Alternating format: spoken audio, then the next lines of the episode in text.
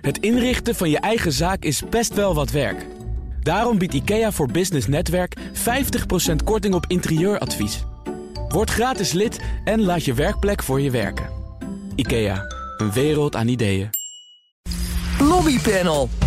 Groene claims genoeg van bedrijven, maar kunnen ze ze ook waarmaken? De ACM begint de campagne om greenwashing aan te pakken. En welke onderwerpen mag het demissionaire kabinet nog eh, ter hand nemen om een besluit over te nemen? Die vraag ligt voor aan de Tweede Kamer. Is misschien ook een mooie kans voor lobbyisten. Dat en meer bespreek ik in het lobbypanel met Boris van der Ham.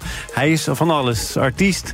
Hij is eh, voorzitter van verschillende belangenverenigingen. Hij is ook 50 geworden. Gisteren. Gefeliciteerd. Ja, ja. Uh, mijn favoriete lapjeskat. En Reinier Kastelein, voorzitter van vakbond De Unie. Heren, welkom. Dankjewel. Goedemiddag.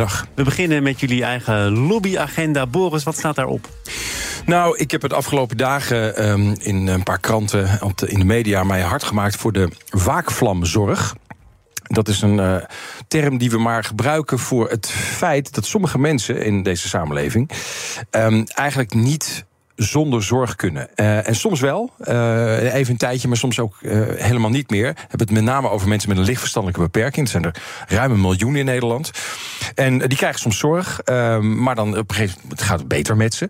En dan wordt eigenlijk de hele indicatie die ze hebben helemaal eraf gehaald. En dat zijn mensen die zelfstandig wonen of Soms niet? wel, het is heel diverse groepen. En, maar mensen echt met een lichtverstandelijke beperking. Soms zitten ze diep in de schulden. Nou, dan raken ze er op een gegeven moment met schuldhulpverlening weer uit. Maar je weet eigenlijk dat als je ze helemaal loslaat... en helemaal vrijlaat en niet even een beetje helpt op het moment dat ze toch weer een beetje proberen uh, aan het afzakken zijn, dat ze eigenlijk weer heel snel in de ellende terechtkomen. En uh, als voorzitter van de Gehandicaptenzorg Nederland zeggen wij van zorg er nou voor dat die zorg, dat die afschaling in indicatie niet plaatsvindt. Want dat klinkt een beetje duur, hè? Uh, want je denkt, ja, dan is dus iemand steeds een beetje in het, in het vizier. Aan de andere kant, als je het niet doet, dan raken mensen nog veel verder in de problemen en heb je echt problemen. Niet alleen maar voor die mensen zelf, dat ze in schulden komen, maar soms ook dat ze vergelijden in criminaliteit of andere zaken. En daar is overigens niet alleen maar de gezondheidszorg belangrijk voor, maar eigenlijk alle andere instanties waar ze tegenaan lopen. Of het nou de woningcorporaties, het onderwijs. De politie, die allemaal deze groep mensen die oververtegenwoordigd zijn in misdaadcijfers, armoedecijfers, eenzaamheidscijfers. Uh, daar moeten we allemaal een beetje een warmere dus arm omheen goedkoop, slaan. duurkoop, hè? Want het ja, lijkt absoluut. een makkelijke bezuiniging. Je schaalt die indicatie af, dan hoef je er ook minder geld voor te reserveren. Maar uiteindelijk komt de rekening in allerlei vormen toch nog wel terug. Ja, als je kijkt bijvoorbeeld de helft van de gevangenen in Nederland heeft een lichtverstandelijke beperking. Dat is een grote oververtegenwoordiging. Dus kan je al uitrekenen als je daar beter voor zorgt, ook wat betreft reclassering, op het moment dat ze eruit komen, als je die mensen weer vrijlaat en je doet niks met ze, ja, dan is bij mum van tijd zitten ze weer. Reinier, jouw agenda, waar ben jij op dit moment vooral mee bezig? Nou, um, uh, ik, ik ben op uh, korte termijn uh, bezig met het organiseren van de tweede editie van het Tegenpolen-diner. Um, je ziet de afgelopen jaren het debat in, in, Nederland zo ontzettend verharden. Met name ook via social media vechten elkaar de tent uit.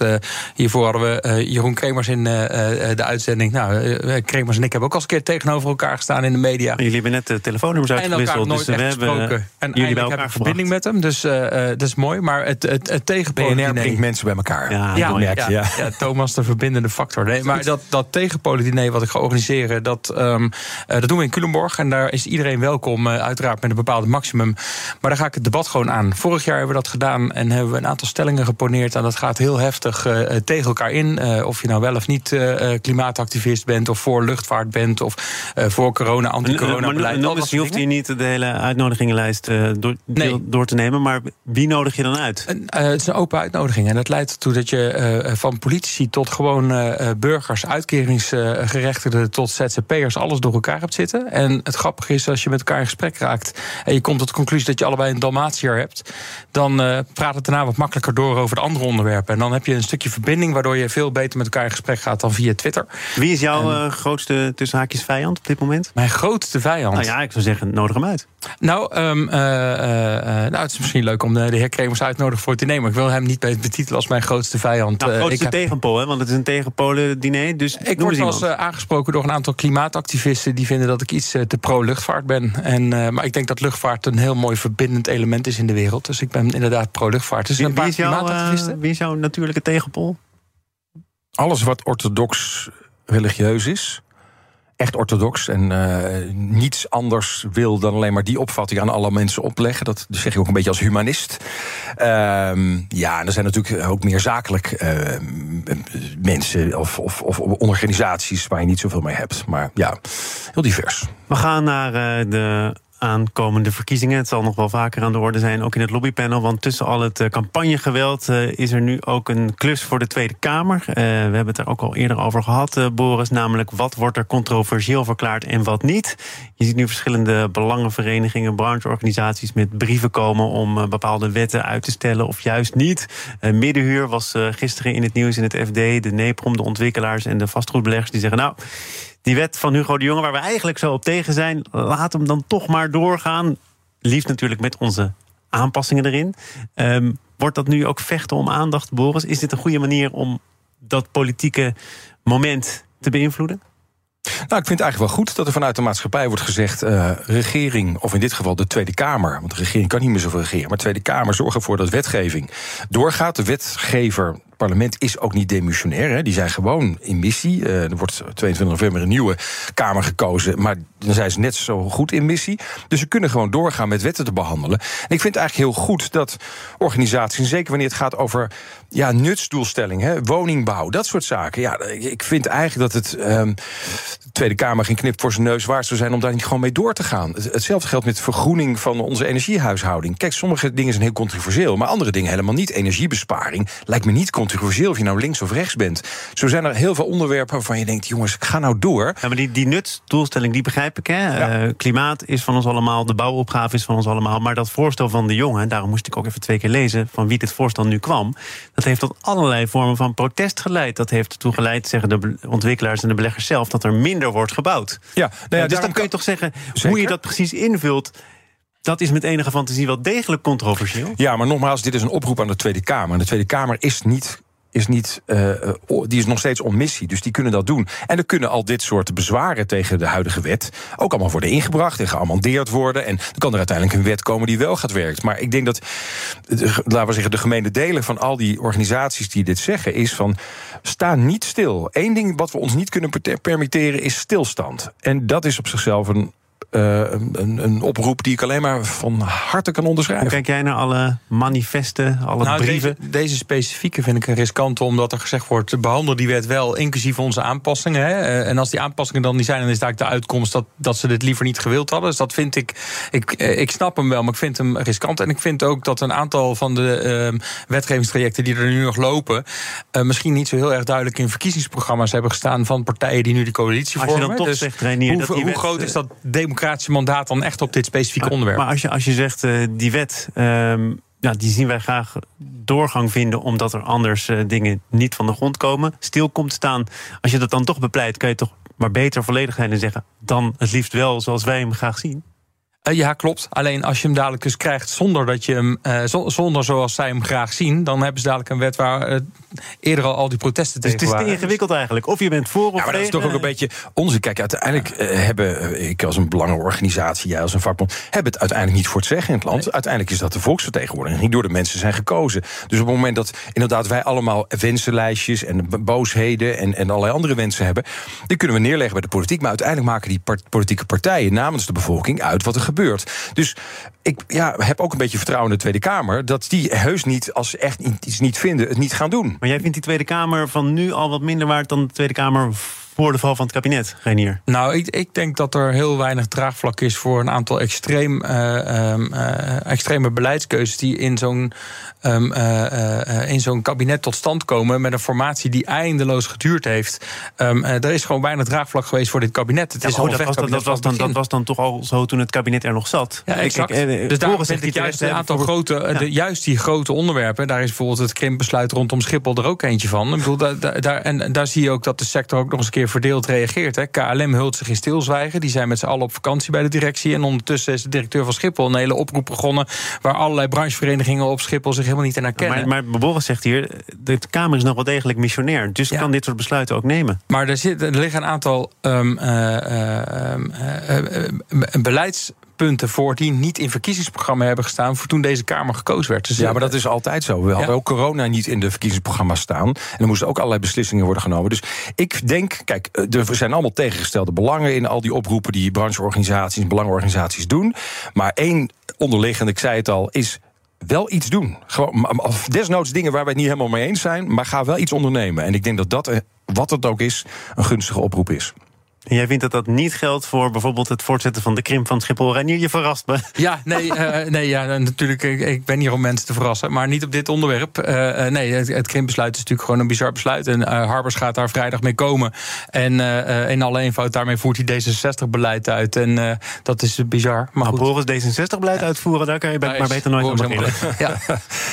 ik sta hier niet als D66. Nee hoor, nee, nee, nee, dat, dat begrijp ik. Maar, maar het gaat jou ook om zondag, hè, die als interimmer dan toch zegt: uh, dit is van groot belang. Ja, het is, het is overigens wel een interimmer die te maken heeft met de staat voor 70% aandeelhouder van Schiphol.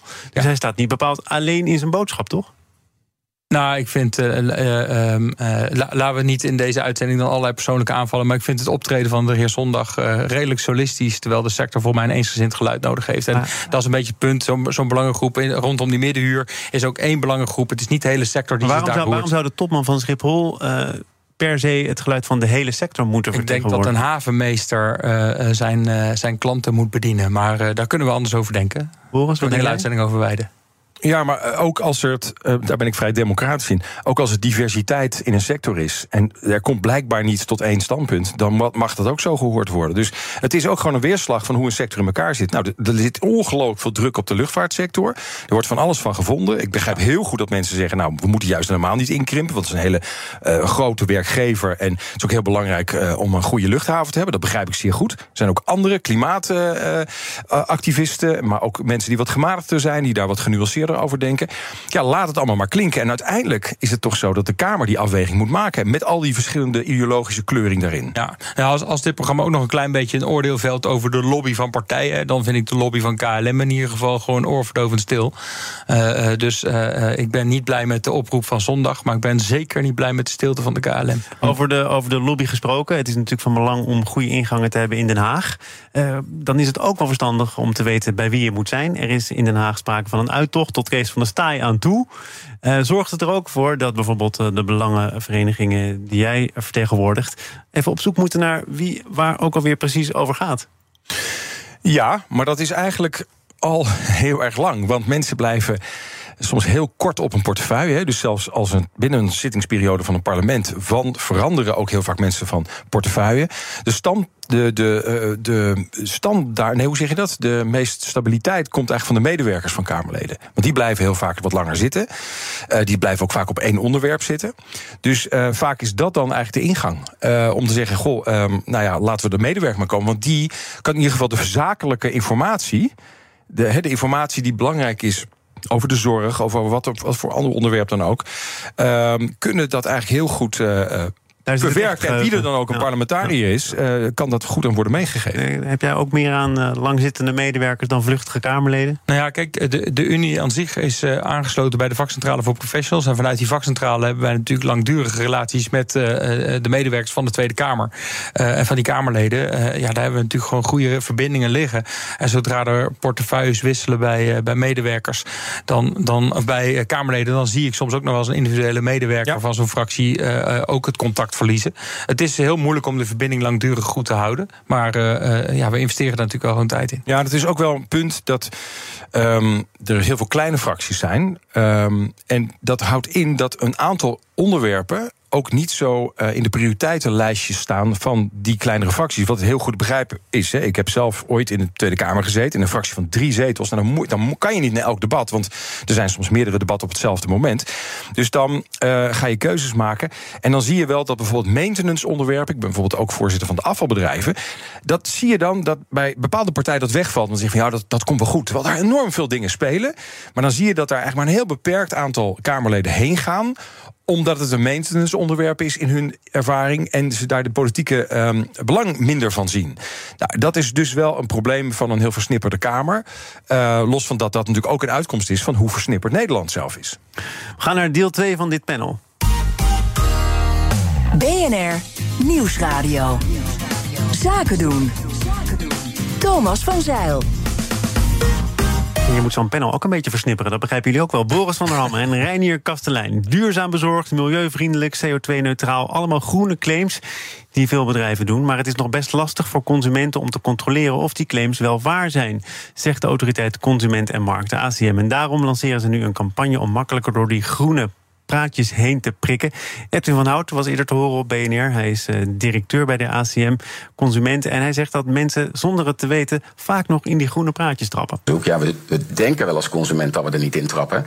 Maar je ziet toch regelmatig, en dat zijn de psychologische valkuilen waar we allemaal last van hebben, dat we toch geneigd zijn, als we duurzamer willen consumeren, om in dit soort duurzaamheidsclaims ook, ook te trappen. Is het makkelijk om erin mee te gaan, Boris?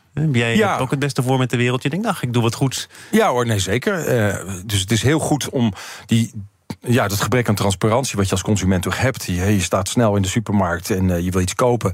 Uh, dan kan je niet het hele, uh, ja, alle overwegingen van de wereld daarin meenemen. Dus als daar een grote autoriteit die door dat soort praatjes heen kan, kan beuken, meekijkt, is dat volgens mij hartstikke goed. Dat doen ze op meerdere punten ook. Dat doen ze ook als het gaat over influencers. Dat als ze heel veel volgers krijgen van hey, klopt dat nou eigenlijk wel? Hè? Is, is dat gekocht of is dat op een andere manier gebeurd? Dus wat dat betreft is dat helder um, en goed dat zij daar hun taak in nemen. Het ingewikkelde is natuurlijk wel dat uh, je mag hopen dat dat soort claims alleen maar gedaan mogen worden op het moment dat het ook uh, ja, wettelijk is vastgelegd en dat dat de echte lucht überhaupt niet uh, bij die merken of producten op het etiket mag staan of op de website, omdat er wetgeving is die dat verbiedt. Ja, maar dan zijn er altijd wel weer andere vormen om het te formuleren. En dan, dan uh, kom je daar wel weer omheen. Wat ik uh, bijzonder vind aan de timing van, van, van de ACM is dat het nu gaat over bedrijven en greenwashing. Er is ontzettend veel sprake van greenwashing en geen misverstand over. Overigens ook in de sector die ik er warm hart toedraag. De luchtvaart uh, kan dat ook. Um, maar het, het, het, bijzondere is dat politici het ook kunnen. En ik zou het wel mooi vinden als we de komende verkiezingsstrijd ingaan met een autoriteit die ook gewoon alle groene praatjes van politici weet precies? De greenwashing van nou, politici? ja, laten we hier in, eh, in, in Diemen eh, kijken naar de biomassacentrale. Er is de afgelopen jaren knetterveel uh, links biomassa-beleid geweest. En nou blijkt het toch even net, net even wat minder gunstig nou, te zijn. dat blijkt al, al jaren zo te zijn, hè? Ja, je kunt natuurlijk inzetten op een verkeerde technologie. Door verhalen van politici. Dus politici laten zich misschien wat te makkelijk belobbyen. Dat is misschien ook wel weer een hele interessante. Dus uh, die, die, die greenwashing is niet alleen maar het bedrijfsleven gegeven. Die hebben we als, daar hebben we als samenleving samen. Maar geldt hier niet voor beter ten halve gekeerd dan ten hele gedwaald? Op, op dit moment is biomassa toch al geen optie meer? Nou ja, voor mij gaat Diemen nog open. Nee, dus goed, ja, ik, dat, dat, dat begrijp ik. Maar uh, het echte enthousiasme is nee, wel maar Het is, het is heel belangrijk om, om soms ook gewoon heel zakelijk te blijven... rond, het groene, rond, rond de groene dossiers. Ik bedoel, groen beleid moet je altijd met de rekenmachine in je hand doen. Niet alleen maar wat betreft de kosten... maar ook wat betreft gewoon de opbrengst in CO2. Uh, ik ken het bijvoorbeeld vanuit de afvalbedrijven. Er wordt heel veel gezegd, ja, dit zijn bioplastics, bioplastics. En dat is biologisch afbreekbaar. Ja, dat klopt. Op het moment dat je het heel veel tijd geeft om af te breken, is dat afbreekbaar. Maar in de machines en in de bio biologen die worden gemaakt om dat te, uh, om te vormen naar, uh, naar iets wat te, uh, te gebruiken is als compost, gaan die bioplastics te langzaam. Waardoor je daar uiteindelijk dus qua milieu helemaal niks mee opschiet. Omdat ze zich helemaal niet voegen naar het systeem wat we daar hebben voor bedacht. Dus met andere woorden, dan kan je wel de claim zeggen: ja, het is heel milieuvriendelijk, maar uiteindelijk levert het niet zoveel op. Nou, omdat het systeem daar dus niet op ingericht is. Ja, maar dat heeft ook te maken met dat je dan uiteindelijk een soort balans moet vinden van hoe zorg je er nou voor dat je in een, uh, in een, in een betaalbare hoeveelheid tijd ervoor zorgt dat je de plastics die je daarin uh, achterlaat, dat daar ook echt daadwerkelijk wat mee kan gebeuren. Want hoe langer dat duurt, hoe kostbaarder wordt. En dan kan je de vraag stellen: ja, kan je dan niet beter iets anders met die plastics doen? Of het in een papieren zak doen? Met andere woorden, je moet steeds blijven rekenen. Uh, als het gaat over milieubeleid. Want anders ben je gewoon met symboolpolitiek bezig. En ben je niet daadwerkelijk iets aan het milieu aan het doen. Nee. Dus ik denk dat dat een eis eigenlijk zou moeten zijn voor alle producten die, die het groene label maken. Dat je in het hele keten kijkt van wat heeft het nou voor effect. Gaat dit nou ook echt daadwerkelijk aan het onderaan de streep werken of niet? En dat geldt inderdaad voor, voor politieke praatjes, maar ook voor praten vanuit, praatjes vanuit het bedrijfsbedrijfsleven. Nou, wat ik een, een, uh, volgens mij zaten Boris en ik samen in de uitzending toen het hier ook ging over het salderen van uh, de zonne-energie. Maar ik weet niet meer zeker. Maar daar hebben we het eerder over gehad in deze uitzendingen. En um, wat je ziet is dat um, als mensen nu zonnepanelen hebben gelegd, een heel groot deel van de mensen helemaal niet geïnformeerd is over het feit dat die salderingsregeling zou Salderen worden aangepast. is het terugleveren van het net en of je daar nog wel of niet financieel iets mee ja. opschiet. Ja, dus er zijn heel veel mensen die uh, misschien wel heel erg groen hebben gedacht en daar een financieel plaatje bij hebben, hebben ja. gehad. Hè. Precies zoals Boris ook zegt, van dat je dat altijd moet kunnen blijven berekenen. En nu komt in één keer dat solderingsverhaal. En voor alle bestuurskundigen en beleidsmakers is dat een agendapunt wat maar, er jaren laten we eerlijk zijn, in één keer het solderingsverhaal, dat is niet waar, hè? Want het staat al jaren op de agenda. Ja, maar en de vraag is vooral hoe lang duurt het nog voordat dat uh, ja, maar tot het verleden gaat behoren. Dat is precies het punt wat ik maak. Als je het dus hebt over greenwashing, ik denk dat bij de verkoop van zonnepanelen dit onderwerp veel te weinig uh, onder de aandacht is gebracht van de consument die ja, een rekensom heeft gemaakt. En verantwoordelijkheid is dat toch niet van de politiek? Een installateur van zonnepanelen kan toch ook zeggen, dat is bij mij gebeurd in ieder geval, die solderingsregeling heeft invloed op je terugverdientijd. Hou daar rekening maar mee. Dit kan ik daar niet met zekerheid iets over zeggen. En dit zou precies een punt kunnen zijn waar de ACM dus gewoon... Uh, als het gaat om de voorlichting aan de consument... als die groene keuzes maakt, of het nou gaat over de terugverdientijd... van een, van een warmtepomp, zonnepanelen, isolatie... als de ACM ergens uh, een onderdeel wil zijn van het verhaal... wat Boris zegt, dat je moet blijven rekenen over het uh, klimaatbeleid... en keuzes die je daarin maakt... dan moet de consument denk ik veel, veel meer financieel worden voorgelicht... dan of iets wel of niet deugt. Want de consument wil wel, maar het moet financieel op de lange termijn... wel gewoon een eerlijk verhaal blijven. Samenwerking tussen Shell en universiteit, nog een heel kort, Boris. Zou dat kunnen deugen? Want RTL Z heeft uitgezocht hoeveel van die samenwerkingen er waren. Er zijn nu universiteiten die daarmee stoppen. De directeur van Shell zegt erover: jammer, maar begrijpelijk. Uh, is het begrijpelijk dat universiteiten stoppen met hun samenwerking met Shell? It's not easy being green. Uh, belangrijke uitspraak van Kermit de Kikker. Uh, en dat geldt hier ook. Kijk, op het moment dat je echt rond klimaat, energietransitie grote slagen wil maken, dan moet je dat doen door onafhankelijk onderzoek, et cetera. En tegelijkertijd moet je ook alvast nadenken, als je dan iets moois verzint, wie gaat het opschalen? Dat kan niet de universiteit, dat kan de overheid niet, dat kunnen alleen maar grote bedrijven. Zoals Shell, zoals alle andere oliemaatschappijen. Dus ik ben er principieel tegen om het bedrijfsleven, wat uiteindelijk het als enige eigenlijk aan de opschaling kan doen, om dat helemaal buiten zeker het onderzoek rond energietransitie te doen. Want dan, ja, dan, dan ga je dus niet het beste van twee werelden combineren. Dus ik vind het heel belangrijk dat je hele harde afspraken maakt over onafhankelijkheid van het onderzoek. Dus daar moet je eisen aan stellen.